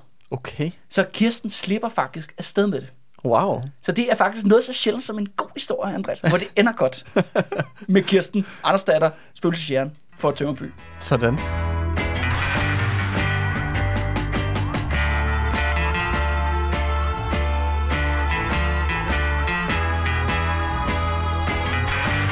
Og du, Andreas, det var det, jeg havde til, til jer for den her omgang i hvert fald. Jamen, mange tak. Ja, og jeg vil bare gerne sige, uh, ja, tak for i år. Det har været begivenhedsrigt år, Andreas, må man sige, uh, for os. Ja. Uh, vi har jo vi har været i gang i mange ting. Vi har blandt andet haft vores, uh, vores serie omkring uh, Frederik, rød... Frederik 6. Den ja, røde den har fyldt uh, rigtig meget. Den, er, den har taget en, uh, den første halvdel over. ja, ja, lige præcis. Uh, ja, og så vil jeg gerne sige, ja, selvfølgelig tak til alle jer, der lytter med. Tak mm-hmm. til alle jer, der støtter på, uh, på tier. Det, det er derfor, vi kører rundt. Det er derfor, vi kan fortsætte med at udgive. Og øh, ja, så har jeg også fået en række henvendelser her på det sidste om folk, der gerne vil, i stedet for at donere på tier, så vil de måske gerne give en donation på på MobilePay. Det skal folk være rigtig, rigtig velkomne til. Øh, men for det, så skal man skrive til mig på min, øh, på min mail. Øh, Kalle, snabelag, øh, de røde fjer, og det er jo så med R-O-E-D-E, fjer.dk. Der kan man skrive der, hvis man gerne vil give en donation, og alle beløb er øh, velkomne. Afholder jo også byvandringer hele tiden løbende, både private og offentlige igennem Facebook. Det kan man jo tjekke ud, hvis man har lyst til at komme med ud på en tur. Det kunne være hyggeligt. Man kan jo også få et, øh, hvad hedder det, ja, et foredrag, øh, blandet måske om vilde historier fra Danmarks historie, apropos dagens episode. Det kunne måske være en god idé til, øh, hvis man lige rende rundt og savner sit foredrag til sin, jeg ved ikke, lokale forening eller andet. Hekseforening. Ja, og det skal også siges jo, vi har også lavet, jo, ikke, nu har vi jo trods alt en del efterhånden, lavet jo samarbejder med, med andre øh, institutioner. I år var det med Nyvang, øh, hvad hedder det, oplevelsescenter ude i Holbæk, hvor jeg kan komme ud og lave en episode. Øh, det vil jeg rigtig gerne altid. Der er kun én regel. Det er, at hvis man skal lave episoder med, øh, ja, med mig og de røde fjer, jamen så skal man også være villig til at tage nogle tæsk når man det kommer ned i historien. Det er ikke med, øh, hvad hedder det, A, men man vil godt lide en spændende, interessant øh, og konfliktfyldt, konfliktfyldt øh, historie, så, så er jeg altid villig til at, øh, at samarbejde med folk. Og så vil jeg også sige, Andreas, øh, noget der også er ligesom er sket i år, jo, det er jo faktisk, at vi har kommet jo mere ud og været mere ude live. Det er jo også noget, der er sket i år. Vi har ja. både optrådt øh, 1. maj jo i Fældeparken, og så har vi jo selvfølgelig haft vores live show i september. Det er rigtigt. Og øh, jeg tror også, at det, det vil vi jo rigtig gerne gøre igen. Det vil vi da helt Så det vil, vi, det vil jeg også øh, gerne love her, at det arbejder vi også på, at det, at det kan ske igen i, i fremtiden. Mm-hmm. Øhm, Helt bestemt. på den ene eller på den anden måde. Og øh, ja, så vil jeg gerne sige øh, tak for i år, og ja. Tak fordi I lyttede med, lyttede med. Og selvfølgelig tak til dig, Andreas. Tak til, tak til dig, Kjeld, og tak til alle jer derude. Yes, Vi lyttes ved i det nye år.